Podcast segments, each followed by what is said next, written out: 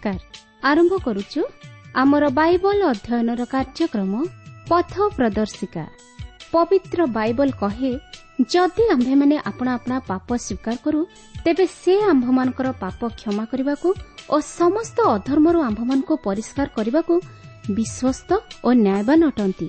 ଆସନ୍ତୁ ସେହି ଉଦ୍ଧାରକର୍ତ୍ତାଙ୍କର ପରିଚୟ ପାଇବା ନିମନ୍ତେ ଶୁଣିବା ବେତାର କାର୍ଯ୍ୟକ୍ରମ ପଥ ପ୍ରଦର୍ଶିକା।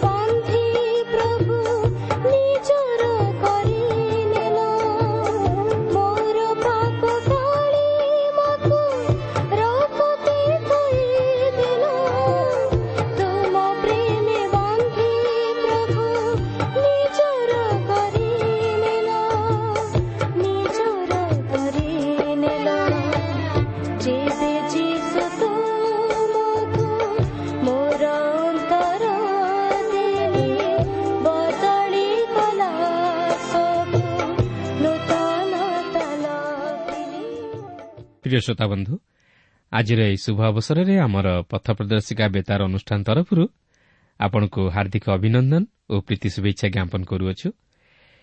ଆପଣଙ୍କର ସହଯୋଗ ତଥା ମତାମତ ଓ ହୃଦୟସ୍ପର୍ଶୀ ସାକ୍ଷ୍ୟ ନିମନ୍ତେ ବିଶେଷ ଧନ୍ୟବାଦ। ପ୍ରଭୁ ଯୀଶୁଙ୍କ ବିଷୟରେ ଅଧିକ ଜାଣିବା ନିମନ୍ତେ ଆପଣଙ୍କର ଆଗ୍ରହକୁ ଦେଖି ମଧ୍ୟ ଆମେ ବିଶେଷ ଖୁସି। ପ୍ରଭୁ ଆପଣଙ୍କୁ ଆଶୀର୍ବାଦ କରନ୍ତୁ ଓ ଆହୁରି ଆହୁରି ଆତ୍ମିକ ଜୀବନରେ ବର୍ଦ୍ଧିଷ୍ଣୁ କରାନ୍ତୁ ଓ ଆପଣଙ୍କର ମନୋବାଞ୍ଛା ପୂର୍ଣ୍ଣ କରନ୍ତୁ। ଆସନ୍ତାରେ ପ୍ରଭୁଙ୍କର ବାକ୍ୟ ମଧ୍ୟକୁ ଯିବା ପୂର୍ବରୁ ସଂକ୍ଷେପରେ ପ୍ରାର୍ଥନା କରିବା। ପ୍ରିୟ ପବିତ୍ର ପ୍ରଭୁ ଆମମାନଙ୍କର ସୃଷ୍ଟିକର୍ତ୍ତା ଜୀବିତ ଈଶ୍ୱର ତୁମର ପବିତ୍ର ନାମର ଧନ୍ୟବାଦ କରୁଅଛୁ ଏହି ସୁନ୍ଦର ସମୟ ପାଇଁ ତୁମର ଜୀବନ୍ତ ବାକ୍ୟ ପାଇଁ। ପ୍ରଭୁ ତୁମର ବାକ୍ୟ ମଧ୍ୟ ଦେଇ ତୁମେ ଆମମାନଙ୍କର ସହିତରେ କଥା କୁହ। ତୁମର ଇଚ୍ଛା ତୁମର ଅଭିମତକୁ ବୁଝିବା ନିମନ୍ତେ ଆମମାନଙ୍କୁ ଜ୍ଞାନ ବିଶିଷ୍ଟ ଅନ୍ତଃକରଣ ଦାନ କର। ତୁମର ବାକ୍ୟକୁ ଗ୍ରହଣ କରିବା ନିମନ୍ତେ ଆମମାନଙ୍କୁ ସରଳ ହୃଦୟ ପ୍ରଦାନ କର। ଏବଂ ଯେତିକି ସମୟ ଧରି ଆମେ ତୁମର ବାକ୍ୟ ଅଧ୍ୟୟନ ତଥା ଆଲୋଚନା କରିବୁ ସେଥି ନିମନ୍ତେ ଆମମାନଙ୍କୁ ଧୀର ସ୍ଥିର ଚିତ ଦାନ କର। ତୁମର ବାକ୍ୟ ମଧ୍ୟ ଦେଇ ଆଜିର ଏହି କାର୍ଯ୍ୟକ୍ରମ ମଧ୍ୟ ଦେଇ ତୁମେ ଆମ ପ୍ରତ୍ୟେକଙ୍କୁ ଆଶୀର୍ବାଦ କର। ଯୀଶୁଙ୍କ ନାମରେ ମାଗୁଅଛୁ।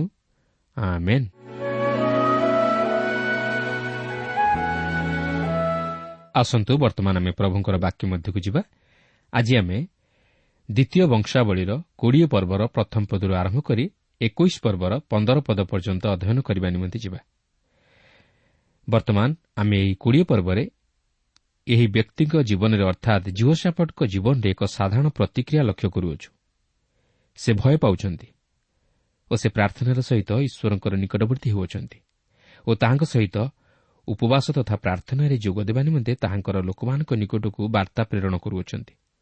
ଦେଖନ୍ତୁ କୋଡ଼ିଏ ପର୍ବର ପ୍ରଥମ ତିନି ପଦରେ ଏହିପରି ଲେଖା ଅଛି। ଅନନ୍ତର ମୟାବ ସନ୍ତାନଗଣ ଓ ଅମନ ସନ୍ତାନଗଣ ଓ ସେମାନଙ୍କ ସଙ୍ଗେ ଅମନ୍ୟ କେତେକ ଲୋକ ଜିଓସାପଣ୍ଟଙ୍କ ପ୍ରତିକୂଳରେ ଯୁଦ୍ଧ କରିବାକୁ ଆସିଲେ। ଏଥିରେ କେତେକ ଲୋକ ଜିଓସାପଣ୍ଟଙ୍କୁ ସମ୍ବାଦ ଦେଇ କହିଲେ ସମୁଦ୍ର ସେପାରିସ୍ଥ ଅରାମ ଦେଶରୁ ଏକ ମହାଜନତା ଆପଣଙ୍କ ପ୍ରତିକୂଳରେ ଆସୁଅଛନ୍ତି। ଆଉ ଦେଖନ୍ତୁ ସେମାନେ ହତ୍ ଶାସନ ତାମରରେ ଅଛନ୍ତି। ଏହାକୁ ଐନଗଦ କହନ୍ତି। ତାହେଲେ ଜିଓସାଫଟ ଭୀତ ହୋଇ ସଦାପ୍ରଭୁଙ୍କର ଅନ୍ୱେଷଣ କରିବାକୁ ପ୍ରବୃତ୍ତ ହେଲେ ପୁଣି ଜିହୁଦାର ସର୍ବତ୍ର ଉପବାସ ଘୋଷଣା କରାଇଲେ। ବାସ୍ତବରେ ଯୁବସାପଟଙ୍କ ପକ୍ଷେ ଏହା ଏକ ଚମତ୍କାର ବିଷୟ ଥିଲା।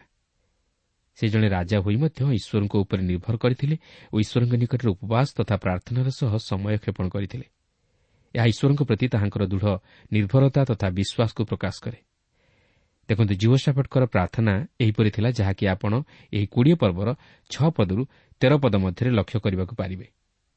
ଲେଖା ଅଛି ଆଉ ସେ କହିଲେ ହେ ସଦାପ୍ରଭୁ ଆମମାନଙ୍କ ପିତୃପୁରୁଷ ଗଣର ପରମେଶ୍ୱର ତୁମେ କ'ଣ ସ୍ୱର୍ଗସ୍ଥ ପରମେଶ୍ୱର ନୁହଁ? ତୁମେ କ'ଣ ଗୋଷ୍ଠୀମାନଙ୍କ ସମୁଦାୟ ରାଜ୍ୟର କର୍ତ୍ତା ନୁହଁ? ପୁଣି ତୁମ୍ଭ ହସ୍ତରେ ଶକ୍ତି ଓ ପରାକ୍ରମ ଅଛି ଏଣୁ ତୁମର ପ୍ରତିବାଧା କରିବାକୁ କେହି ସମର୍ଥ ନୁହେଁ। ହେ ଆମମାନଙ୍କ ପରମେଶ୍ୱର ତୁମେ କ'ଣ ଆପଣା ଲୋକ ଇସ୍ରାଏଲ୍ ସମ୍ମୁଖରୁ ଏହି ଦେଶ ନିବାସୀମାନଙ୍କୁ ତଡ଼ିଦେଇ ଅନନ୍ତକାଳ ନିମନ୍ତେ ଆପଣା ମିତ୍ର ଅବ୍ରାହମ୍ ବଂଶକୁ ତାହା ଦେଇନାହଁ? ଆଉ ସେମାନେ ତହିଁରେ ବାସ କରି ତନ୍ମଧ୍ୟରେ ତୁମ୍ଭ ନାମ ନିମନ୍ତେ ଏକ ଧର୍ମଧାମ ନିର୍ମାଣ କରି କହିଅଛନ୍ତି ଯେବେ ଆମମାନଙ୍କ ପ୍ରତି ଅମଙ୍ଗଳ ଖଡ଼ଗ ଦଣ୍ଡ କି ମହାମାରୀ କି ଦୁର୍ଭିକ୍ଷ ଉପସ୍ଥିତ ହେବ ତେବେ ଆମ୍ଭେମାନେ ଏହି ଗୃହ ସମ୍ମୁଖରେ ଓ ତୁମ୍ଭ ସମ୍ମୁଖରେ ଠିଆ ହେବୁ କାରଣ ତୁମ୍ଭ ନାମ ଏହି ଗୃହରେ ଅଛି। ଆଉ ଆମ୍ଭେମାନେ ଆପଣ ସଙ୍କଟ କାଳରେ ତୁମ୍ଭ ନିକଟରେ ପ୍ରାର୍ଥନା କରିବୁ ତାହେଲେ ତୁମ୍ଭେ ଶୁଣି ଉଦ୍ଧାର କରିବ। ଏବେ ଅମନର ଓ ମୟାବର ଓ ସେଇର ପାର୍ବତ୍ୟ ସନ୍ତାନଗଣକୁ ଦେଖ। ଇସ୍ରାଏଲ୍ ମିଶ୍ର ଦେଶରୁ ବାହାର ହୋଇ ଆସିବା ବେଳେ ଏହି ଲୋକମାନଙ୍କୁ ଆକ୍ରମଣ କରିବା ପାଇଁ ତୁମ୍ଭେ ସେମାନଙ୍କୁ ଦେଇନାହଁ। ମାତ୍ର ସେମାନେ ଏହି ଲୋକମାନଙ୍କ ନିକଟରୁ ଅନ୍ୟ ପଥରେ ଯାଇ ଏମାନଙ୍କୁ ବିନାଶ କଲେ ନାହିଁ। ଦେଖ ଏମାନେ ଆମମାନଙ୍କ ଭୋଗାର୍ଥେ ଦତ୍ତ ତୁମ୍ଭ ଅଧିକାରରୁ ତଡ଼ିଦେବା ପାଇଁ ଆସି କିପରି ଆମମାନଙ୍କର ଅପକାର କରୁଅଛନ୍ତି? ହେ ଆମମାନଙ୍କ ପରମେଶ୍ୱର ତୁମେ କ'ଣ ଏମାନଙ୍କର ବିଚାର କରିବ ନାହିଁ? କାରଣ ଆମମାନଙ୍କ ପ୍ରତିକୂଳରେ ଆଗତ ଏହି ବୃହତ୍ ଦଳ ବିରୁଦ୍ଧରେ ଆମମାନଙ୍କର କୌଣସି ପରାକ୍ରମ ନାହିଁ। ଅଥବା କ'ଣ କରିବାକୁ ହେବ ଏହା ଆମମାନେ ଜାଣୁନାହୁଁ। କେବଳ ତୁମ୍ଭ ପ୍ରତି ଆମମାନଙ୍କ ଦୃଷ୍ଟି ଅଛି। ଏଥିରେ ସମଗ୍ର ଜିହୁଦା ଆପଣମାନଙ୍କ ଶିଶୁ ଭାର୍ଯ୍ୟା ଓ ସନ୍ତାନ ସନ୍ତତି ସହିତ ସଦାପ୍ରଭୁଙ୍କ ସମ୍ମୁଖରେ ଠିଆ ହେଲେ। ଦେଖନ୍ତୁ ଏଠାରେ ଜିଓ ସାପଟ ଯାହା କଲେ ତାହାଙ୍କ ପିତା ଆଶା ମଧ୍ୟ ତାହା କରିନଥିଲେ। ଆଶା ସେହି ଅତୀତର ଅନୁଭୂତି ଉପରେ ନିର୍ଭର ଦେଇନଥିଲେ ଯାହାକି ତାହାଙ୍କ ଜୀବନରେ ବିଶ୍ୱାସ ଆଣିଦେଇ ପାରିଥାନ୍ତା। କିନ୍ତୁ ଜିଓସାପଟ୍ ଅତୀତର ସେହି ଈଶ୍ୱରଙ୍କର ପ୍ରତିଜ୍ଞା ଉପରେ ବିଶ୍ୱାସ କରି ଓ ଈଶ୍ୱରଙ୍କର ଅତୀତର ସେହି ଆଶ୍ଚର୍ଯ୍ୟ ଶକ୍ତିର କାର୍ଯ୍ୟ ଉପରେ ବିଶ୍ୱାସ କରି ଈଶ୍ୱରଙ୍କର ପ୍ରତିଜ୍ଞାରେ ସ୍ଥିର ହୋଇ ରହିଲେ। ସେ ତାହାଙ୍କର ପ୍ରାର୍ଥନାରେ ଏହି ସମସ୍ତ ବିଷୟକୁ ସ୍ମରଣ କରିବା ପରେ ତାହାଙ୍କର ପ୍ରାର୍ଥନା ସମାପ୍ତ କଲେ। ବାସ୍ତବରେ ଏହିପରି ଏକ ଅସହାୟ ପରିସ୍ଥିତିରେ ସେ ଈଶ୍ୱରଙ୍କ ଉପରେ ସମ୍ପୂର୍ଣ୍ଣ ନିର୍ଭର କରିଥିଲେ। ଓ ବିଶ୍ୱାସରେ ସ୍ଥିର ରହିଥିଲେ। ଏହା କେତେ ଚମତ୍କାର ବିଷୟ। ଏହାପରେ କୋଡ଼ିଏ ପର୍ବର ଚଉଦରୁ ତେତିଶ ପଦ ମଧ୍ୟରେ ଆମେ ଦେଖୁ ଯେ ଈଶ୍ୱର ତାହାଙ୍କ ପ୍ରାର୍ଥନା ଶୁଣି ଉତ୍ତର ପ୍ରଦାନ କଲେ କାରଣ ସେ ପ୍ରାର୍ଥନା ଶ୍ରବଣକାରୀ ଈଶ୍ୱର। ଯେଉଁମାନେ ତାହାଙ୍କଠାରେ ବିଶ୍ୱାସ କରି ପ୍ରାର୍ଥନା କରନ୍ତି ସେ ସେମାନଙ୍କର ପ୍ରାର୍ଥନା ଶୁଣନ୍ତି ଓ ସେମାନଙ୍କୁ ସମସ୍ତ ବିପଦରୁ ଉଦ୍ଧାର କରନ୍ତି। ଦେଖନ୍ତୁ ଏଠାରେ ଈଶ୍ୱର ଜହସିଏଲ୍ ନାମକ ଏକ ଲେବିଓ ଲୋକ ଦ୍ୱାରା ଜିଓସାଫେଟ୍କୁ ସାନ୍ତ୍ୱନା ଶକ୍ତି ତଥା ଉତ୍ସାହ ପ୍ରଦାନ କରୁଅଛନ୍ତି। ଯାହାକି କୋଡ଼ିଏ ପର୍ବର ପନ୍ଦର ପଦରୁ ସତର ପଦ ମଧ୍ୟରେ ଲେଖା ଅଛି। ତହୁଁ ସେ କହିଲେ ହେ ସମଗ୍ର ଜିହୁଦା ଓ ଜିରୁସାଲାମ ନିବାସୀଗଣ ତୁମମାନେ ଆଉ ହେ ମହାରାଜ ଜିଓସାପଟ ତୁମେ ଶୁଣ। ସଦାପ୍ରଭୁ ତୁମମାନଙ୍କୁ ଏହି କଥା କହନ୍ତି ଏହି ମହାଜନତା ସକାଶୁ ତୁମମାନେ ଭୟ ନ କର କି ନିରାଶ ନ ହୁଅ କାରଣ ଏହି ଯୁଦ୍ଧ ତୁମମାନଙ୍କର ନୁହେଁ ମାତ୍ର ପରମେଶ୍ୱରଙ୍କର। କାଲି ତୁମେମାନେ ସେମାନଙ୍କ ପ୍ରତିକୂଳରେ ଯାଅ ଦେଖ ସେମାନେ ସିସ୍ ଘାଟି ଦେଇ ଆସୁଅଛନ୍ତି ତୁମମାନେ ଜିରୁଏଲ୍ ପ୍ରାନ୍ତର ସମ୍ମୁଖସ୍ଥ ଉପତ୍ୟକାର ପ୍ରାନ୍ତର ଭାଗରେ ସେମାନଙ୍କୁ ପାଇବ। ଏ ଯୁଦ୍ଧରେ ଯୁଦ୍ଧ କରିବାକୁ ତୁମମାନଙ୍କର ଆବଶ୍ୟକ ହେବ ନାହିଁ। ହେ ଜିହୁଦା ଓ ଜିରୁସାଲମ୍ ଆପଣମାନଙ୍କୁ ସଜାଅ। ତୁମାନେ ସୁସ୍ଥିର ହୁଅ ଓ ତୁମମାନଙ୍କ ସହବର୍ତ୍ତୀ ସଦାପ୍ରଭୁ କିପରି ଉଦ୍ଧାର କରିବେ ତାହା ଦେଖ। ଭୟ ନ କର କି ନିରାଶ ନ ହୁଅ। କାଲି ସେମାନଙ୍କ ପ୍ରତିକୂଳରେ ଯାଅ। କାରଣ ସଦାପ୍ରଭୁ ତୁମମାନଙ୍କର ସହବର୍ତ୍ତୀ ଅଛନ୍ତି। ବାସ୍ତବରେ ଜୁହସାପଟ ଓ ସମଗ୍ର ଜିହୁଦା ଲୋକମାନଙ୍କ ପ୍ରତି ଏହା ଏକ ସାନ୍ତ୍ୱନା ତଥା ଭରସାଯୁକ୍ତ ବାକ୍ୟ ଥିଲା। ପ୍ରଭୁ କହୁଅଛନ୍ତି ଜିଓସାପଟ ତୁମେ ଭୟ କର ନାହିଁ। ସେ ଯୁଦ୍ଧ ତୁମର ନୁହେଁ ମାତ୍ର ମୋର। ତୁମ୍ଭକୁ ଯୁଦ୍ଧ କରିବାକୁ ପଡ଼ିବ ନାହିଁ ମାତ୍ର ମୁଁ ଯୁଦ୍ଧ କରି ତୁମକୁ ଜୟ ପ୍ରଦାନ କରାଇବି। ମୁଁ ତୁମର ଶତ୍ରୁମାନଙ୍କୁ ତୁମର ପଦଦଳିତ କରିବି। ତୁମେ ପରାଜିତ ହେବ ନାହିଁ ମାତ୍ର ଜୟଯୁକ୍ତ ହେବ। ପ୍ରିୟ ବନ୍ଧୁ ଅନେକ ସମୟରେ ଆପଣ ମଧ୍ୟ ଏହିପରି ଅନୁଭୂତି ମଧ୍ୟ ଦେଇ ଗତି କରିଥିବେ ଓ ଈଶ୍ୱରଙ୍କ ନିମନ୍ତେ କୌଣସି ଉତ୍ତମ କାର୍ଯ୍ୟ ସାଧନ କରିବା ନିମନ୍ତେ ନିଜକୁ ଶକ୍ତିହୀନ ତଥା ଅସହାୟ ବୋଲି ଭାବିଥିବେ। ମାତ୍ର ଯେପର୍ଯ୍ୟନ୍ତ ଆପଣ ନିଜକୁ ନିଜେ ଦୁର୍ବଳ ବୋଲି ଭାବୁଥିବେ ଓ ନିଜେ ତାହା କରୁଅଛନ୍ତି ବୋଲି ଭାବୁଥିବେ ସେ ପର୍ଯ୍ୟନ୍ତ ଆପଣ ତାହା ସାଧନ କରିପାରିବେ ନାହିଁ। ମାତ୍ର ଯେଉଁ ମୁହୂର୍ତ୍ତରେ ଆପଣ ଈଶ୍ୱରଙ୍କ ଉପରେ ନିର୍ଭର କରିବେ ଓ ପ୍ରାର୍ଥନାର ସହିତ ସେହି ବିଷୟକୁ ଈଶ୍ୱରଙ୍କ ନିକଟରେ ରଖିବେ ସେହି ମୁହୂର୍ତ୍ତରେ ସେ ଆପଣଙ୍କ ନିମନ୍ତେ ତାହା ସାଧନ କରିବେ। କିନ୍ତୁ ଆପଣଙ୍କର ସେହିପରି ତାହାଙ୍କ ଉପରେ ନିର୍ଭରତା ଓ ବିଶ୍ୱାସ ରହିବା ଆବଶ୍ୟକ। ଈଶ୍ୱରଙ୍କ ନିକଟରେ କୌଣସି ବିଷୟ ଅସମ୍ଭବ ନୁହେଁ। ମାତ୍ର ଆମମାନଙ୍କର ଅବିଶ୍ୱାସ ତହିଁରେ ପ୍ରତିବନ୍ଧକ ସୃଷ୍ଟି କରେ। ଈଶ୍ୱର ଜାଣନ୍ତି ଆମମାନଙ୍କ ଦୁର୍ବଳତା। ମାତ୍ର ଆମେ ନିଜକୁ ସବଳ ବୋଲି ଭାବି ବା ନିଜ ଉପରେ ନିର୍ଭର କରି ଦୁର୍ବଳ ହୋଇଥାଉ ଯଦ୍ୱାରା ଆମେ ଅନେକ କ୍ଷେତ୍ରରେ ବିଫଳ ହୋଇଥାଉ ବା ଭାଙ୍ଗି ପଡ଼ିଥାଉ। ଜିଓସାପଟ ଚାହିଁଥିଲେ ତାଙ୍କର ସୈନ୍ୟମାନଙ୍କ ଉପରେ ନିର୍ଭର କରିପାରିଥାନ୍ତେ ମାତ୍ର ସେ ଈଶ୍ୱରଙ୍କ ଉପରେ ନିର୍ଭର କଲେ। କାରଣ ସେ ଜାଣିଥିଲେ ଯେ ଈଶ୍ୱରଙ୍କ ଶକ୍ତି ଅତି ମହାନ ଓ ତାହାଙ୍କ ଇଚ୍ଛା ବିହୁନେ ମନୁଷ୍ୟ କେବେ ହେଲେ ପାଦେ ଆଗେଇ ପାରିବ ନାହିଁ ବା ସଫଳତା ଲାଭ କରିପାରିବ ନାହିଁ।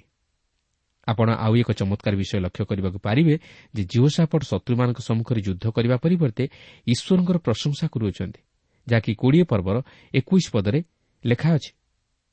ପୁଣି ସେ ଲୋକମାନଙ୍କ ସହିତ ପରାମର୍ଶ କଲା ଉତ୍ତାରେ ସୈନ୍ୟଶ୍ରେଣୀର ଆଗେ ଆଗେ ସେମାନଙ୍କ ଗମନକାଳେ ସଦାପ୍ରଭୁଙ୍କ ଉଦ୍ଦେଶ୍ୟରେ ଗାନ କରିବାକୁ ଓ ଧର୍ମ ସୌନ୍ଦର୍ଯ୍ୟର ପ୍ରଶଂସା କରିବାକୁ ପୁଣି ସଦାପ୍ରଭୁଙ୍କର ଧନ୍ୟବାଦ କର ଯେହେତୁ ତାହାଙ୍କର କରୁଣା ସଦାକାଳ ସ୍ଥାୟୀ ବୋଲି କହିବାକୁ ଲୋକ ନିଯୁକ୍ତ କଲେ। ଦେଖନ୍ତୁ ଜିଓସାପଟ ଏକ ଅସ୍ୱାଭାବିକ କାର୍ଯ୍ୟ କରୁଅଛନ୍ତି। ସେ କୌଣସି ଆଟମ୍ ବମ୍ ନେଇ ଯାଉନାହାନ୍ତି। ମାତ୍ର ଏକ ସଙ୍ଗୀତ ଦଳର ଆୟୋଜନ କରୁଅଛନ୍ତି ଯେପରି ସେମାନେ ସେମାନଙ୍କ ଅଗ୍ରଗାମୀ ହୋଇ ଈଶ୍ୱରଙ୍କର ପ୍ରଶଂସା କରନ୍ତି। ତେବେ ଲକ୍ଷ୍ୟ କରନ୍ତୁ ବର୍ତ୍ତମାନ କ'ଣ ଘଟିବା ପାଇଁ ଯାଉଅଛି।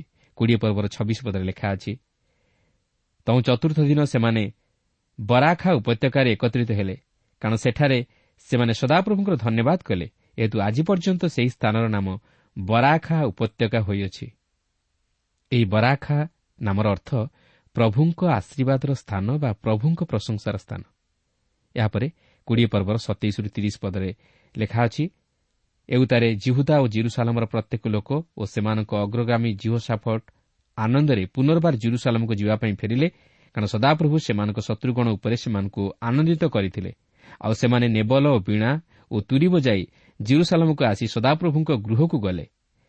ତହିଁରେ ସଦାପ୍ରଭୁ ଇସ୍ରାଏଲ୍ର ଶତ୍ରୁମାନଙ୍କ ପ୍ରତିକୂଳରେ ଯୁଦ୍ଧ କରିଅଛନ୍ତି ଏହି କଥା ଶୁଣି ନାନା ଦେଶୀୟ ସମସ୍ତ ରାଜ୍ୟ ଉପରେ ପରମେଶ୍ୱରଙ୍କ ଭୟ ଉପସ୍ଥିତ ହେଲା। ଏହି ରୂପେ ଜିଓସାପଟଙ୍କର ରାଜ୍ୟ ସୁସ୍ଥିର ହେଲା କାରଣ ତାଙ୍କର ପରମେଶ୍ୱର ତାଙ୍କୁ ଚତୁର୍ଦ୍ଦିଗରେ ବିଶ୍ରାମ ଦେଲେ। ଈଶ୍ୱର ହିଁ କେବଳ ଶାନ୍ତି ଓ ବିଶ୍ରାମ ଦେଇପାରନ୍ତି। ତାହାଙ୍କ ବିନା କେହି ଶାନ୍ତି ଓ ବିଶ୍ରାମ ପାଇପାରେ ନା। ଏହାପରେ କୋଡ଼ିଏ ପର୍ବର ଏକତିରିଶରୁ ଚଉତିରିଶ ପଦରେ ଲେଖା ଅଛି ଜିଓ ସାପଟ ଜିହୁଦା ଉପରେ ରାଜ୍ୟ କଲେ ସେ ରାଜ୍ୟ କରିବାକୁ ଆରମ୍ଭ କରିବା ସମୟରେ ପଞ୍ଚତିରିଶ ବର୍ଷ ବୟସ୍କ ହୋଇଥିଲେ ଓ ଜିରୁସାଲମରେ ପଚିଶ ବର୍ଷ ରାଜ୍ୟ କଲେ ତାଙ୍କର ମାତାଙ୍କ ନାମ ଅସୁବା। ସେ ସିଲ୍ହିର କନ୍ୟା ଥିଲେ। ଜିଓ ସାପଟ ଆପଣା ପିତା ଆଶାଙ୍କର ପଥରେ ଚାଲିଲେ ଓ ତହିଁରୁ ବିମୁଖ ନ ହୋଇ ସଦାପ୍ରଭୁଙ୍କ ଦୃଷ୍ଟିରେ ଯଥାର୍ଥ କର୍ମ କଲେ। ତଥାପି ଉଚ୍ଚସ୍ଥଳୀ ସକଳ ଦୂରୀକୃତ ନୁହିଲା କେବଳ ଲୋକମାନେ ସେତେବେଳେ ହେଁ ଆପଣମାନଙ୍କ ପିତୃପୁରୁଷ ଗଣର ପରମେଶ୍ୱରଙ୍କ ପ୍ରତି ଆପଣା ଆପଣା ଅନ୍ତଃକରଣ ନିବିଷ୍ଟ କଲେ ନାହିଁ। ଏହି ଜୋସାପଟଙ୍କର ଅବଶିଷ୍ଟ ବୃତ୍ତାନ୍ତର ଆଦ୍ୟନ୍ତ କଥା ଦେଖ ଇସ୍ରାଏଲ୍ ରାଜାବଳୀ ପୁସ୍ତକର ଅନ୍ତର୍ଗତ। ହନାନୀର ପୁତ୍ର ଜେହୁର ଇତିହାସ ପୁସ୍ତକରେ ଲେଖା ଅଛି। ଏହାପରେ କୋଡ଼ିଏ ପର୍ବର ପଞ୍ଚତିରିଶରୁ ସଇଁତିରିଶ ପଦ ମଧ୍ୟରେ ଏହିପରି ଲେଖା ଅଛି ଏଥିଉତାରେ ଜିହୁଦାର ରାଜା ଜିଓସାପଟ ଇସ୍ରାଏଲ୍ର ରାଜା ଅହସ୍ୟଙ୍କ ସଙ୍ଗେ ମିଶିଲେ ଅହସ୍ୟ ଅତି ଦୂରାଚାରୀ ଥିଲେ। ଜିଓସାଫଟ ତର୍ସିସ୍କୁ ଯିବାର ଜାହାଜ ନିର୍ମାଣ କରିବା ପାଇଁ ତାଙ୍କ ସଙ୍ଗେ ମିଶିଲେ ଆଉ ସେମାନେ ଇତ୍ସିଓନ୍ ଗେବରରେ ଜାହାଜମାନ ନିର୍ମାଣ କଲେ। ସେତେବେଳେ ମାରେସା ନିବାସୀ ଦୋଦବାହୁର ପୁତ୍ର ଇଲିଏସର ଜିଓସାପଟଙ୍କ ବିରୁଦ୍ଧରେ ଏହି ଭବିଷ୍ୟତ ବାକ୍ୟ ପ୍ରଚାର କରି କହିଲା ତୁମେ ଅହସ୍ୟ ସଙ୍ଗେ ମିଶିଅଛ କିନ୍ତୁ ସଦାପ୍ରଭୁ ତୁମର କର୍ମ ସବୁ ବିନାଶ କରିଅଛନ୍ତି। ତହିଁରେ ସେହିସବୁ ଜାହାଜ ଭାଙ୍ଗିଗଲା ତର୍ସିସ୍କୁ ଯାଇପାରିଲା ନାହିଁ। ତଥାପି ଜିଓସାପଟ ପୁନର୍ବାର ଆହବଙ୍କର ପୁତ୍ର ଅହସ୍ୟଙ୍କ ସହିତ ବନ୍ଧୁତା ସ୍ଥାପନ କଲେ ଯଦ୍ୱାରା ଈଶ୍ୱର ଜିଓସାପଟଙ୍କ ଉପରେ ସନ୍ତୁଷ୍ଟ ନ ଥିଲେ ଜିଓସାପଟ ଯଦିଓ ଜଣେ ଉତ୍ତମ ରାଜା ଥିଲେ ମାତ୍ର ସେ ସମ୍ପୂର୍ଣ୍ଣ ପବିତ୍ର ନ ଥିଲେ ସେ ତାହାଙ୍କର ପିତା ଆଶାଙ୍କର ପଥରେ ଚାଲିଲେ ଅର୍ଥାତ୍ ସେ ପ୍ରତିମା ପୂଜାକୁ ମଧ୍ୟ ପ୍ରଶ୍ରୟ ଦେଲେ ଯାହାକି ସେହି ଜାତିର ପତନର କାରଣ ହେଲା। କୋଡ଼ିଏ ପଦର ବତିଶ ପଦରେ ଲେଖା ଅଛି ଝିଅସାପଟ ଆପଣା ପିତା ଆଶାଙ୍କର ପଥରେ ଚାଲିଲେ ଓ ତହିଁରେ ବିମୁଖ ନ ହୋଇ ସଦାପ୍ରଭୁଙ୍କ ଦୃଷ୍ଟିରେ ଯଥାର୍ଥ କର୍ମ କଲେ। ପ୍ରିୟ ବନ୍ଧୁ ଆମେ ଅଧର୍ମକୁ ଆଦର କରି କେବେ ହେଲେ ଈଶ୍ୱରଙ୍କ ସନ୍ତୋଷ ଭାଜନ ହୋଇପାରିବା ନାହିଁ କିମ୍ବା ଈଶ୍ୱରଙ୍କ ଇଚ୍ଛା ବିରୁଦ୍ଧ କାର୍ଯ୍ୟ କରି କେବେ ହେଲେ ଈଶ୍ୱରଙ୍କୁ ସନ୍ତୁଷ୍ଟ କରିପାରିବା ନାହିଁ। ଈଶ୍ୱର ଚାହାନ୍ତି ଆମମାନଙ୍କର ସମ୍ପୂର୍ଣ୍ଣ ସମର୍ପିତର ଜୀବନ। ତେଣୁ ଆସୁ ଈଶ୍ୱରଙ୍କ ବାକ୍ୟ ଅନୁଯାୟୀ ତାହାଙ୍କଠାରେ ସମ୍ପୂର୍ଣ୍ଣ ସମର୍ପିତର ଜୀବନଯାପନ କରି ତାହାଙ୍କ ଆଶୀର୍ବାଦ ତଥା ଅନୁଗ୍ରହର ଅଧିକାରୀ ହେବା ନିମନ୍ତେ ଚେଷ୍ଟା କରୁ। ବର୍ତ୍ତମାନ ଆମେ ଏହି ଦ୍ୱିତୀୟ ବଂଶାବଳୀ ପୁସ୍ତକର ଏକୋଇଶରୁ ବାଇଶ ପର୍ବ ପର୍ଯ୍ୟନ୍ତ ଅଧ୍ୟୟନ କରିବା ନିମନ୍ତେ ଯିବା। ଆଉ ଏହି ଏକୋଇଶ ଓ ବାଇଶ ପର୍ବରେ ସେହି ବିଷୟ ନେଇ ଲକ୍ଷ୍ୟ କରିବାକୁ ପାରିବା। ପାପ ପ୍ରକୃତରେ ଜଟିଳ ସମସ୍ୟା ଆଣିଥାଏ। ଏହି ଅଂଶରେ ଆମେ ଯେଉଁ ସମସ୍ୟା ଲକ୍ଷ୍ୟ କରିବାକୁ ଯିବା ତାହା କେବଳ ପାପ ଲାଗି ଘଟିଲା।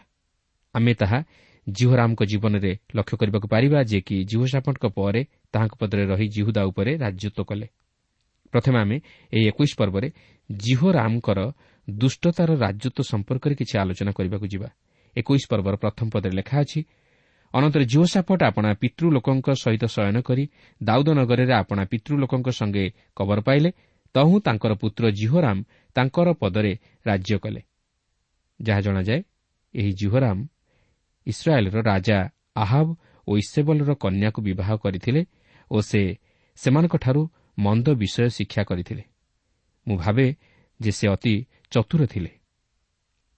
ଏକୋଇଶ ପର୍ବର ଦୁଇରୁ ଚାରିପଦରେ ଲେଖା ଅଛି ଜିଓସାଫଟଙ୍କ ଔରସଜାତ ଅସରିୟ ଓ ଜିହିଏଲ୍ ଓ ଜିଖରିୟ ଓ ଅସରିୟାହ ଓ ମିଖାଏଲ୍ ଓ ସାଫଟିୟ ତାଙ୍କର ଭାଇ ଥିଲେ। ଏ ସମସ୍ତେ ଇସ୍ରାଏଲ୍ର ରାଜା ଜିଓସାଫଟଙ୍କର ପୁତ୍ର ଥିଲେ। ପୁଣି ସେମାନଙ୍କର ପିତା ସେମାନଙ୍କୁ ମହାସମ୍ପତ୍ତି ରୂପା ଓ ସୁନା ଓ ବହୁମୂଲ୍ୟ ଦ୍ରବ୍ୟ ଓ ଜିହୁଦା ଦେଶସ୍ଥ ପ୍ରାଚୀର ବେଷ୍ଟିତ ନଗର ଦାନ କଲେ। ମାତ୍ର ଜିହୋରାମ ଜ୍ୟେଷ୍ଠ ହେବାରୁ ତାଙ୍କୁ ରାଜ୍ୟ ଦେଲେ। ଏହି ଜିହୋରାମ ଆପଣ ପିତାଙ୍କର ରାଜ୍ୟରେ ଆରୂଢ଼ ହୋଇ ଆପଣଙ୍କୁ ବଳବାନ କରନ୍ତେ ଆପଣାର ସମସ୍ତ ଭ୍ରାତାଙ୍କୁ ମଧ୍ୟ ଇସ୍ରାଏଲ୍ର କେତେକ ଅଧିପତିଙ୍କି ଖଡ଼ଗରେ ବଦ୍ଧ କଲେ। ଦେଖନ୍ତୁ ସେ ଏହିପରି ଭାବେ ଆଗକୁ ଚିନ୍ତା କରି ତାହାଙ୍କର ସମସ୍ତ ପ୍ରତିଦ୍ୱନ୍ଦ୍ୱୀମାନଙ୍କୁ ହତ୍ୟା କଲେ। ସେ ତାହାଙ୍କର ସମସ୍ତ ଭାଇମାନଙ୍କୁ ଓ ରାଜକୀୟ ପରିବାର ମଧ୍ୟରୁ ଅନ୍ୟମାନଙ୍କୁ ମଧ୍ୟ ବଦ୍ଧ କଲେ।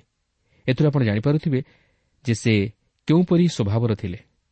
ଏହାପରେ ଏକୋଇଶ ପର୍ବର ଛଅ ପଦରେ ଲେଖା ଅଛି ପୁଣି ସେ ଆହାବଙ୍କର ବଂଶତୁଲ୍ୟ ଇସ୍ରାଏଲ୍ର ରାଜାମାନଙ୍କ ପଥରେ ଗମନ କଲେ କାରଣ ସେ ଆହାବଙ୍କର କନ୍ୟାକୁ ବିବାହ କଲେ ଓ ସଦାପ୍ରଭୁଙ୍କ ଦୃଷ୍ଟିରେ କୁକର୍ମ କଲେ।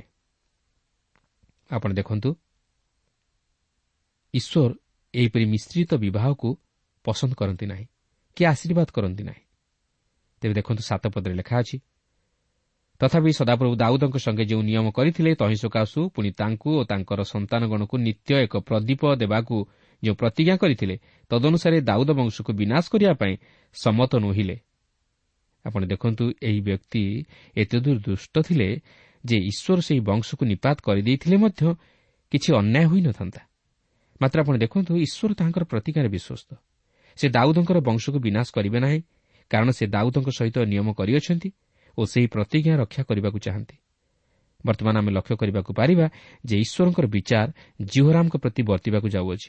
ଏକୋଇଶ ପର୍ବର ଆଠରୁ ଦଶ ପଦ ମଧ୍ୟରେ ଲେଖା ଅଛି ତାଙ୍କ ସମୟରେ ଇଦମୀୟ ଲୋକମାନେ ଜିହୁଦାର ଅଧୀନତାର ବିଦ୍ରୋହୀ ହୋଇ ଆପଣାମାନଙ୍କ ଉପରେ ଏକ ରାଜା କଲେ। ତହିଁରେ ଜିହୋରାମ ଆପଣା ସେନାପତିମାନଙ୍କୁ ଓ ଆପଣା ସଙ୍ଗେ ସମସ୍ତ ରଥ ନେଇ ଯାତ୍ରା କଲେ। ପୁଣି ସେ ରାତ୍ରିକାଳେ ଉଠି ଆପଣାର ଚତୁର୍ଦିଗ ବେଷ୍ଟିତ ଇଦମୀୟମାନଙ୍କୁ ଓ ରଥାଧ୍ୟକ୍ଷମାନଙ୍କୁ ସଂହାର କଲେ। ଏହି ରୂପେ ଇଦମ୍ ଆଜି ପର୍ଯ୍ୟନ୍ତ ଜିହୁଦାର ଅଧୀନତାର ବିଦ୍ରୋହୀ ହେଲା। ସେହି ସମୟରେ ମଧ୍ୟ ଲିବ୍ନା ତାହାର ଅଧୀନତାର ବିଦ୍ରୋହୀ ହେଲା ଯେହେତୁ ସେ ସଦାପ୍ରଭୁ ଆପଣା ପିତୃଗଣର ପରମେଶ୍ୱରଙ୍କୁ ପରିତ୍ୟାଗ କରିଥିଲେ। ଦେଖନ୍ତୁ ତେବେ ସେ କାହିଁକି ଶାନ୍ତିରେ ରହିପାରିଲେ ନାହିଁ ଓ ଈଶ୍ୱରଙ୍କର ବିଚାର କାହିଁକି ଏପରି ତାହାଙ୍କ ଉପରେ ବର୍ତ୍ତିଲା? ତାହା ଈଶ୍ୱର ଏଠାରେ ସ୍ପଷ୍ଟ ଭାବେ ଜଣାଇ ଦିଅନ୍ତି। ଯେହେତୁ ସେ ସଦାପ୍ରଭୁ ଆପଣା ପିତୃଗଣର ପରମେଶ୍ୱରଙ୍କୁ ପରିତ୍ୟାଗ କଲେ ସେଥିପାଇଁ। ପ୍ରିୟ ବନ୍ଧୁ ଈଶ୍ୱରଙ୍କୁ ପରିତ୍ୟାଗ କରିବା ଅତି ଭୟଙ୍କର ବିଷୟ। ଏହାଦ୍ୱାରା ମନୁଷ୍ୟ ଈଶ୍ୱରଙ୍କ ଆଶୀର୍ବାଦରୁ ବଞ୍ଚିତ ହେବା ସଙ୍ଗେ ସଙ୍ଗେ ଈଶ୍ୱରଙ୍କ ବିଚାରର ସମ୍ମୁଖୀନ ହୁଏ। କାରଣ ଈଶ୍ୱରଙ୍କୁ ପରିତ୍ୟାଗ କରିବାର ଅର୍ଥ ଶୟତାନର ଅନୁକାରୀ ହେବା ଓ ଶୟତାନର ଅନୁକାରୀ ହେବାର ଅର୍ଥ ପାପରେ ପତିତ ହେବା। ଆମେ ଦେଖୁଛୁ ଯେ ଜିଓରାମଙ୍କ ଜୀବନରେ ଈଶ୍ୱର ଭୟ ନଥିଲା। ତେଣୁକରି ସେ ଅନେକ ପାପ କରି ବସିଲେ ଯଦ୍ୱାରା ସେ ଶାନ୍ତିରେ ବସବାସ କରିପାରିଲେ ନାହିଁ। ଏଗାର ପଦରେ ଲେଖା ଅଛି ଆହୁରି ସେ ଜିହୁଦାର ନାନା ପର୍ବତରେ ଉଚ୍ଚସ୍ଥଳୀ ନିର୍ମାଣ କଲେ ଓ ଜିରୁସାଲାମ ନିବାସୀମାନଙ୍କୁ ବ୍ୟଭିଚାର କରାଇଲେ ଓ ଜିହୁଦାକୁ ବିପଥରେ ନେଲେ। ପ୍ରକୃତରେ ସେ ଲୋକମାନଙ୍କୁ ସେହି ପ୍ରତିମା ପୂଜା ଆଡ଼କୁ କଢ଼ାଇ ନେଲେ ଯାହାକି ତାଙ୍କର ପିତା ଜିଓସାଫଟ କରିଥିଲେ। ତେବେ ଦେଖନ୍ତୁ ଏହାପରେ ସଦାପ୍ରଭୁ ଏଲିୟ ଭବିଷ୍ୟତ ବକ୍ତାଙ୍କ ଦ୍ୱାରା ଜିହରାମଙ୍କ ପ୍ରତି କି ସମ୍ବାଦ ପ୍ରେରଣ କରୁଅଛନ୍ତି। ବାରପଦରେ ଲେଖା ଅଛି ଏଉତାରେ ତାଙ୍କ ନିକଟକୁ ଏଲିୟ ଭବିଷ୍ୟତ ବକ୍ତାଙ୍କଠାରୁ ଏକ ଲେଖା ଆସିଲା ଯଥା ସଦାପ୍ରଭୁ ତୁମ୍ଭ ପିତା ଦାଉଦର ପରମେଶ୍ୱର ଏହି କଥା କହନ୍ତି ତୁମ୍ଭେ ଆପଣା ପିତା ଜିଓସାପଟର ପଥରେ କିମ୍ବା ଜିହୁଦାର ରାଜା ଆଶାର ପଥରେ ଗମନ କରିନାହଁ ବର୍ତ୍ତମାନ ଏଠାରେ ଆମେ ଏଲିଓ ଭବିଷ୍ୟତ ବକ୍ତାଙ୍କର ପରିଚୟ ପାଉଅଛୁ ଯାହାଙ୍କୁ କି ଏହିପରି ଏକ ଘଡ଼ିସନ୍ଧି ମୁହୂର୍ତ୍ତରେ ଈଶ୍ୱର ବ୍ୟବହାର କରୁଅଛନ୍ତି ଯେପରି ସେ ଏକ ଜଟିଳ ବାର୍ତ୍ତା ଜିହୋରାମଙ୍କୁ ପ୍ରଦାନ କରନ୍ତି। ଆଉ ସେ ମଧ୍ୟ ଏହିପରି ବାର୍ତ୍ତା ପ୍ରଦାନ କରିବା ନିମନ୍ତେ ଏକ ଉପଯୁକ୍ତ ବ୍ୟକ୍ତି ଥିଲେ। ତେବେ ଅନେକ କହନ୍ତି ଯେ ଏଲିଓ ଭବିଷ୍ୟତ ବକ୍ତାମାନଙ୍କ ମଧ୍ୟରୁ ଜଣେ ଥିଲେ ଯେ କି କୌଣସି ପୁସ୍ତକ ଲେଖିନଥିଲେ। ହୋଇପାରେ ବାଇବଲ ମଧ୍ୟରୁ କୌଣସି ପୁସ୍ତକ ତାହାଙ୍କ ନାମରେ ନାମିତ ହୋଇନାହିଁ କି ତାହାଙ୍କ ଦ୍ୱାରା ଲେଖାଯାଏ ନାହିଁ ମାତ୍ର ସେ ଏକ ସମ୍ବାଦ ଲେଖିଥିଲେ ଯାହାକି ଆମେ ଏଠାରେ ଲକ୍ଷ୍ୟ କରିବାକୁ ପାରୁଅଛୁ। ତେବେ ସେ ଏହି ହୃଦୟ ବାଧକ ବାର୍ତ୍ତା ଲେଖିବାର କାରଣ ମଧ୍ୟ ଜଣାଉଛନ୍ତି। ଆଉ ସେ ଏହିପରି ଲେଖନ୍ତି ତୁମ୍ଭେ ଆପଣା ପିତା ଜିଓସାପଟର ପଥରେ କିମ୍ବା ଜିଉଦାର ରାଜା ଆଶାର ପଥରେ ଗମନ କରିନାହ। ଆସନ୍ତୁ ଏହାପରେ ସେହି ସମ୍ବାଦ କ'ଣ ଥିଲା ତାହା ଅଧ୍ୟୟନ କରିବା। ତେର ପଦରୁ ପନ୍ଦର ପଦ ମଧ୍ୟରେ ଲେଖା ଅଛି। ମାତ୍ର ଇସ୍ରାଏଲ୍ର ରାଜାମାନଙ୍କ ପଥରେ ଗମନ କରିଅଛ ପୁଣି ଆହାବର ବଂଶତୁଲ୍ୟ ଜିହୁଦାକୁ ଓ ଜିରୁସାଲମ ନିବାସୀମାନଙ୍କୁ ବେଭିଚାର କରାଇଅଛ। ମଧ୍ୟ ତୁମ୍ଭଠାରୁ ଉତ୍ତମ ତୁମ୍ଭ ପିତୃବଂଶର ଭ୍ରାତୃଗଣକୁ ବଧ କରିଅଛ। ଏହେତୁ ଦେଖ ସଦାପ୍ରଭୁ ତୁମ୍ଭର ଲୋକମାନଙ୍କୁ ଓ ତୁମ ସନ୍ତାନଗଣକୁ ଓ ତୁମ ପତ୍ନୀମାନଙ୍କୁ ଓ ତୁମ୍ଭ ସମସ୍ତ ସମ୍ପତ୍ତି କି ମହାଘାତରେ ସଂହାର କରିବେ। ପୁଣି ତୁମ୍ଭେ ଅନ୍ତ୍ରପୀଡ଼ାରେ ମହାପୀଡ଼ିତ ହେବ। ଶେଷରେ ସେହି ପୀଡ଼ା ସକାଶୁ ତୁମ୍ଭ ଅନ୍ତ୍ର ଦିନକୁ ଦିନ ବାହାରି ପଡ଼ିବ। ତେବେ ଏଲିଓ ଭବିଷ୍ୟତ ବକ୍ତା ହୋଇଥାଇପାରନ୍ତି ଯେ କି ଏହିପରି ଏକ ସମ୍ବାଦ ଦେଇପାରିଥିଲେ ଏହା ଏକ ହୃଦୟବାଧକ ସମ୍ବାଦ ଥିଲା ମାତ୍ର ଈଶ୍ୱର ତାହା ଜିହୋରାମକୁ ଜଣାଇଦେବା ନିମନ୍ତେ ଚାହିଁଥିଲେ। ତେବେ ଏହି ସମ୍ବାଦର ବିଷୟବସ୍ତୁ ଏକ ଅସ୍ୱାଭାବିକ ବିଷୟବସ୍ତୁ ଥିଲା। ଏହି ପ୍ରକାର ସମ୍ବାଦ କେବଳ ଏଲିଓ ଦେଇଥିବେ ବୋଲି ଆପଣ ଆଶା କରିପାରନ୍ତି କିନ୍ତୁ ପରିସ୍ଥିତି ଏହାର ଅନୁକୂଳ ନୁହେଁ। ଏଠାରେ ତିନୋଟି ପ୍ରଶ୍ନ ଆସେ ଯେ ପ୍ରକୃତରେ ଏହି ସମ୍ବାଦ କିଏ ଦେଇଥିଲେ? କେଉଁଠାରେ ଦେଇଥିଲେ? ଓ କେତେବେଳେ ଦେଇଥିଲେ? ଆସନ୍ତୁ ଏହି ସମ୍ବାଦ କିଏ ଦେଇଥିଲେ ତାହା ଆମେ ବର୍ତ୍ତମାନ ଆଲୋଚନା କରିବାକୁ ଯିବା। କିଏ ଏହି ସମ୍ବାଦ ଦେଇଥିଲେ? ଉତ୍ତର ଆସେ ଏଲିଓ ତେବେ ଏହି ଏଲିଓ କିଏ? ଏହି ସମ୍ବାଦ ଜିଓସାପଟଙ୍କର ପୁତ୍ର ଜିହୋରାମଙ୍କ ପ୍ରତି ପ୍ରଦାନ କରାଯାଇଥିଲା। ରାଜାବଳୀ ପୁସ୍ତକ ଆମମାନଙ୍କୁ କହେ ଯେ ଜିଓସାପଟ ରାଜାଙ୍କ ରାଜତ୍ୱର ଅଠର ବର୍ଷରେ ଏଲିଓ ସ୍ୱର୍ଗକୁ ନୀତ ହୋଇଥିଲେ। କିନ୍ତୁ ଜିହୋରାମଙ୍କ ରାଜତ୍ୱ ସମୟରେ ସେ ଏହି ଜଗତରେ ନଥିଲେ ଓ ଅନେକ ଭାବନ୍ତି ଯେ ସେ ଏହି ଭାବବାଣୀ ଲେଖିନଥିଲେ ଆଉ କେତେକ ବାଇବଲ ଛାତ୍ର କହନ୍ତି ଯେ ସେ ଅନ୍ୟ ଏକ ଏଲିଓ ହୋଇଥାଇପାରନ୍ତି ମାତ୍ର ତିସ୍ବିୟ ଏଲିଓ ହୋଇ ନ ପାରନ୍ତି। କିନ୍ତୁ ଯଦି ସେ ତିସ୍ବିୟ ଏଲିଓ ହୋଇନଥାନ୍ତେ ତାହେଲେ ଈଶ୍ୱର ତାହା ସ୍ପଷ୍ଟ ଭାବେ ଜଣାଇ ଦେଇଥାନ୍ତେ। ତେବେ ଈଶ୍ୱରଙ୍କ ନିକଟରେ କୌଣସି ବିଷୟ ଅସମ୍ଭବ ନୁହେଁ। ଯେପର୍ଯ୍ୟନ୍ତ ଆମେ ଈଶ୍ୱରଙ୍କର ଅଲୌକିକ ଶକ୍ତିକୁ ଅସ୍ୱୀକାର ବା ଅଗ୍ରାହ୍ୟ କରିନାହୁଁ ସେ ପର୍ଯ୍ୟନ୍ତ ଏହି ବିଷୟକୁ ବୁଝିବା ବା ଶ୍ରବଣ କରିବା ଆମମାନଙ୍କ ପକ୍ଷରେ ଅସମ୍ଭବ ନୁହେଁ। କିନ୍ତୁ ଯଦି ଆମେ ସେହି ଅଲୌକିକ ଶକ୍ତିକୁ ଅସ୍ୱୀକାର କରୁ ତାହେଲେ ପବିତ୍ର ବାଇବଲ ମଧ୍ୟରୁ ଅନେକ ବିଷୟ ଆମେ ବୁଝିପାରିବା ନାହିଁ କିମ୍ବା ଗ୍ରହଣ କରିପାରିବା ନାହିଁ ତେଣୁକରି ଆମେ ଜାଣିବାକୁ ହେବ ଯେ ଏଲିଓ ଭବିଷ୍ୟତ ବକ୍ତା ହେଉଛନ୍ତି ଜଣେ ଯେ କି ଏହି ସମ୍ବାଦ ଲେଖିଥିଲେ। ବର୍ତ୍ତମାନ ଦ୍ୱିତୀୟ ପ୍ରଶ୍ନଟି ହେଉଛି କେତେବେଳେ ଅର୍ଥାତ୍ କେତେବେଳେ ଏଲିଓ ଏହି ସମ୍ବାଦଟି ଲେଖିଥିଲେ? ସେ କ'ଣ ତାହାଙ୍କର ସେହି ସ୍ୱର୍ଗାରୋହଣ ପରେ ଏହି ସମ୍ବାଦ ଲେଖିଥିଲେ? ନୁହେଁ। ସେ ତାହାଙ୍କର ସ୍ୱର୍ଗାରୋହଣ ପୂର୍ବରୁ ଏହି ସମ୍ବାଦ ଲେଖିଥିଲେ। ତେବେ ଆପଣ କହିପାରନ୍ତି ଏହା କିପରି ସମ୍ଭବ? ଏହା ହିଁ ହେଉଛି ଏକ ଅଲୌକିକ ଶକ୍ତିର କାର୍ଯ୍ୟ। ଏହା ହିଁ ମୁଁ ଆପଣଙ୍କୁ ଏଠାରେ ଜଣାଇଦେବାକୁ ଚାହେଁ କାରଣ ଭାବବାଣୀ ହେଉଛି ଅଲୌକିକ ଶକ୍ତି ବା ଐଶ୍ୱରିକ। ଏହା ଭବିଷ୍ୟତର ବିଷୟକୁ ପ୍ରକାଶ କରେ ଆଉ ତାହା ହିଁ ହେଉଛି ବାହୁବାଣୀ ଏହିପରି ଅନେକ ଘଟଣା ମଧ୍ୟ ରହିଅଛି। ଏପରିକି ପାରସ୍ୟର ସାଇରସ୍ଙ୍କର ଜନ୍ମ ହେବାର ଦୁଇ ଶତାବ୍ଦୀ ପୂର୍ବରୁ ଜିସାଏ ଭବିଷ୍ୟତ ବକ୍ତା ତାହାଙ୍କ ବିଷୟ ନେଇ ଭାଓବାଣୀ ପ୍ରକାଶ କରିଥିଲେ। ସେହିପରି ଦାନିଏଲ୍ ଭବିଷ୍ୟତ ବକ୍ତା ଆଲେକ୍ଜାଣ୍ଡର ଦି ଗ୍ରେଟ୍ଙ୍କ ବିଷୟରେ ଲେଖିଥିଲେ। ସେହିପରି ଇଲିସାଏ ଭବିଷ୍ୟତ ବକ୍ତା ଅରାମିୟମାନଙ୍କ ଉପରେ ହସାଏଲ୍ର ରାଜତ୍ୱ ବିଷୟ ନେଇ ଭାଓବାଣୀ ପ୍ରକାଶ କରିଥିଲେ। ଏହିପରି ଅନେକ ଘଟଣାଗୁଡ଼ିକ ଆପଣ ଏହି ପବିତ୍ର ବାଇବଲ ମଧ୍ୟରେ ଲକ୍ଷ୍ୟ କରିବାକୁ ପାରିବେ। ମସିହ ଅର୍ଥାତ୍ ଖ୍ରୀଷ୍ଟ ଯେଉଁ ସ୍ଥାନରେ ଜନ୍ମଗ୍ରହଣ କରିବାକୁ ଥିଲା ସେହି ସ୍ଥାନର ନାମକରଣ ମିଖା ଭବିଷ୍ୟତ ବକ୍ତା ପୂର୍ବରୁ କରିଥିଲେ। କେବଳ ଈଶ୍ୱର ହିଁ ଏହିପରି ସତ୍ୟତାର ସହିତ ଭାବବାଣୀ ପ୍ରକାଶ କରିପାରନ୍ତି ଓ ସେ ତାହାଙ୍କର ମନୋନୀତ ବ୍ୟକ୍ତିମାନଙ୍କ ମଧ୍ୟ ଦେଇ ତାହା ପ୍ରକାଶ କରିଥାନ୍ତି। ଏହାପରେ ତୃତୀୟ ପ୍ରଶ୍ନ ହେଉଛି କେଉଁଠାରେ? ଅର୍ଥାତ୍ କେଉଁଠାରେ ଏଲିଓ ଭବିଷ୍ୟତ ବକ୍ତା ଏହି ସମ୍ବାଦ ଲେଖିଥିଲେ? ଆପଣ ଜାଣିଥିବେ ଏଲିଓ ଭବିଷ୍ୟତ ବକ୍ତା ଉତ୍ତର ରାଜ୍ୟ ନିମନ୍ତେ ଅର୍ଥାତ୍ ଇସ୍ରାଏଲ୍ ରାଜ୍ୟ ନିମନ୍ତେ ଜଣେ ମାଓବାଦୀ ସ୍ୱରୂପେ ରହିଥିଲେ। ବଂଶାବଳୀ ପୁସ୍ତକରେ କେବଳ ଏହିଠାରେ ଆମେ ଏଲିଓ ଭବିଷ୍ୟତ ବକ୍ତାଙ୍କ ବିଷୟ ନେଇ ପ୍ରକାଶ କରାଯାଇଥିବାର ଲକ୍ଷ୍ୟ କରୁଅଛୁ ଯେହେତୁ ଈଶ୍ୱରଙ୍କ ଦୃଷ୍ଟିକୋଣରୁ ନେଇ ଏହି ବଂଶାବଳୀ ପୁସ୍ତକ ଦୁଇଟି ଉଲ୍ଲେଖ ହୋଇଅଛି। ତାହେଲେ ଈଶ୍ୱର କ'ଣ ଏଲିଓଙ୍କ ଉପରେ ସନ୍ତୁଷ୍ଟ ନଥିଲେ ହଁ ସେ ସନ୍ତୁଷ୍ଟ ଥିଲେ। ତାହେଲେ କାହିଁକି ଏହି ପୁସ୍ତକରେ ତାହାଙ୍କ ବିଷୟରେ ବିଶେଷ କିଛି ଉଲ୍ଲେଖ ହୋଇନାହିଁ? ଈଶ୍ୱର କ'ଣ ଏଲିଓଙ୍କୁ ଓ ତାହାଙ୍କର କାର୍ଯ୍ୟକୁ ଉପେକ୍ଷା କରନ୍ତି ନାହିଁ କି? କିନ୍ତୁ ପ୍ରକୃତରେ ଈଶ୍ୱର ଉତ୍ତର ରାଜ୍ୟର ସମ୍ପୂର୍ଣ୍ଣ ଇତିହାସକୁ ଉପେକ୍ଷା କରନ୍ତି। ଏଲିଓ ଉତ୍ତର ରାଜ୍ୟର ଭବିଷ୍ୟତ ବକ୍ତା ଥିଲେ ଓ ଏହା ହେଉଛି କେବଳ ମାତ୍ର ଥରେ ଯାହାକି ସେ ଦକ୍ଷିଣ ରାଜ୍ୟର ରାଜାଙ୍କୁ ଅର୍ଥାତ୍ ଜିହୁଦାର ରାଜାଙ୍କୁ କହନ୍ତି। ସେ କେବେ ହେଲେ ଜିଓ ସାପଟଙ୍କୁ କୌଣସି ବିଷୟ କହିନଥିଲେ କାରଣ ଜିଓ ସାପଟ ଜଣେ ଉତ୍ତମ ରାଜା ଥିଲେ ଓ ସେ ଏଲିଓଙ୍କଠାରୁ ଏହିପରି ସମ୍ବାଦ ପାଇବା ମଧ୍ୟ ଆବଶ୍ୟକ ନଥିଲା। କିନ୍ତୁ ବର୍ତ୍ତମାନ ତାହାଙ୍କ ପୁତ୍ର ଜିହୋରାମ ଯେତେବେଳେ ସିଂହାସନର ଅଧିକାରୀ ହେଲେ ତାହାଙ୍କ ନିମନ୍ତେ ଏକ ସମ୍ବାଦ ଅପେକ୍ଷା କରି ରହିଥିଲା ଏଲିଓ ଭବିଷ୍ୟତ ବକ୍ତା ତାଙ୍କର ସ୍ୱର୍ଗାରୋହଣ ପୂର୍ବରୁ ଏହି ସମ୍ବାଦ ଲେଖିଥିଲେ। ଏଲିଓ କେବଳ ତାଙ୍କର ସେହି ବସ୍ତ୍ର ଇଲିସାଙ୍କ ନିକଟରେ ଛାଡ଼ିଯାଇ ନଥିଲେ ମାତ୍ର ସେ ଜିଓରାମଙ୍କ ନିମନ୍ତେ ମଧ୍ୟ ଏହି ସମ୍ବାଦ ଛାଡ଼ିଯାଇଥିଲେ ସେ କହିଲେ ତୁମ୍ଭେ ତାହାକୁ ଦେଖିପାରିବ ମାତ୍ର ମୁଁ ତାହାକୁ ଦେଖିପାରିବି ନାହିଁ। ଏହା ମଧ୍ୟ ବିଶ୍ୱାସଯୋଗ୍ୟ ଯେ ପ୍ରକାଶିତ ବାକ୍ୟ ଏଗାର ପର୍ବରେ ପ୍ରକାଶ କରାଯାଇଥିବା ଦୁଇ ସାକ୍ଷୀଙ୍କ ମଧ୍ୟରୁ ଏଲିଓ ହେଉଛନ୍ତି ଜଣେ। ସେ ପୁନର୍ବାର ଏକ ହୃଦୟ ବାଧକ ସମ୍ବାଦ ପ୍ରକାଶ କରିବା ପାଇଁ ଯାଉଅଛନ୍ତି ଯେତେବେଳେ କି ଲୋକମାନେ ଈଶ୍ୱରଙ୍କଠାରୁ ବିମୁଖ ହେବେ। ଏଠାରେ ଆମେ ଏହି ବିଷୟ ଲକ୍ଷ୍ୟ କରିବାକୁ ପାରୁଅଛୁ ଯେତେବେଳେ ଜିହୋରାମ ସିଂହାସନର ଅଧିକାରୀ ହେଲେ ସେତେବେଳେ ସେ ତାଙ୍କ ରାଜପ୍ରାସାଦର ପ୍ରଥମ ପାହାଚ ଉପରୁ ଏକ ସମ୍ବାଦ ପ୍ରାପ୍ତ ହେଲେ ଯାହାକି ଈଶ୍ୱରଙ୍କ ବାର୍ତ୍ତାବାହକ ଦ୍ୱାରା ସେଠାରେ ପକାଇ ଦିଆଯାଇଥିଲା। ତେବେ ଏହି ସମସ୍ତ ବିଷୟ ଆମେ ପରବର୍ତ୍ତୀ କାର୍ଯ୍ୟକ୍ରମରେ ଅଧ୍ୟୟନ କରିବା ନିମନ୍ତେ ଯିବା। ପ୍ରଭା ପ୍ରତ୍ୟେକଙ୍କୁ ଏହି ସଂକ୍ଷିପ୍ତ ଆଲୋଚନା ମଧ୍ୟ ଦେଇ ଆଶୀର୍ବାଦ କରନ୍ତୁ।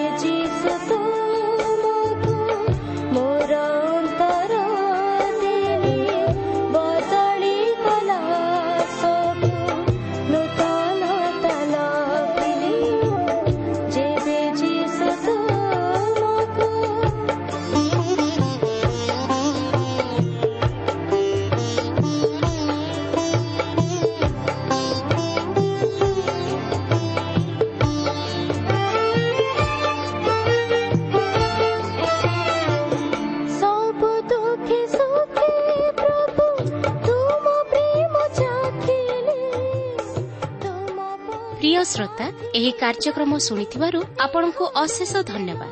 ଏହି କାର୍ଯ୍ୟକ୍ରମ ଆପଣଙ୍କୁ କିପରି ଲାଗିଲା ଓ କେଉଁ ବିଷୟଟି ଆପଣଙ୍କ ହୃଦୟକୁ ଅଧିକ ସ୍ପର୍ଶ କରିଛି ତାହା ଲେଖି ଜଣାଇଲେ ଆମେ ବିଶେଷ ଉପକୃତ ହେବୁ।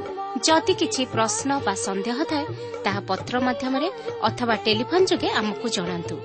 ଆମର ଠିକଣା ପଥ ପ୍ରଦର୍ଶିକା Trans World Radio India post box number ତିନି ତିନି ଭୁବନେଶ୍ୱର ସାତ ପାଞ୍ଚ ଏକ ଶୂନ ଶୂନ ଏକ। Mobile number nine seven double seven double two one four one five ଠିକଣାଟି ଆଉଥରେ ଶୁଣନ୍ତୁ। ପଥ ପ୍ରଦର୍ଶିକା Trans World Radio India post box number three three Bhubaneswar seven five one zero zero one mobile number nine seven double seven double two one four one five ଆମର email ଆଡ୍ରେସ୍ଟି ଲେଖି ରଖନ୍ତୁ Odia TV at radio eight eight two dot com ତେବେ ଆଜି ପାଇଁ ଏଠାରେ ରଖୁଛୁ। ନମସ୍କାର।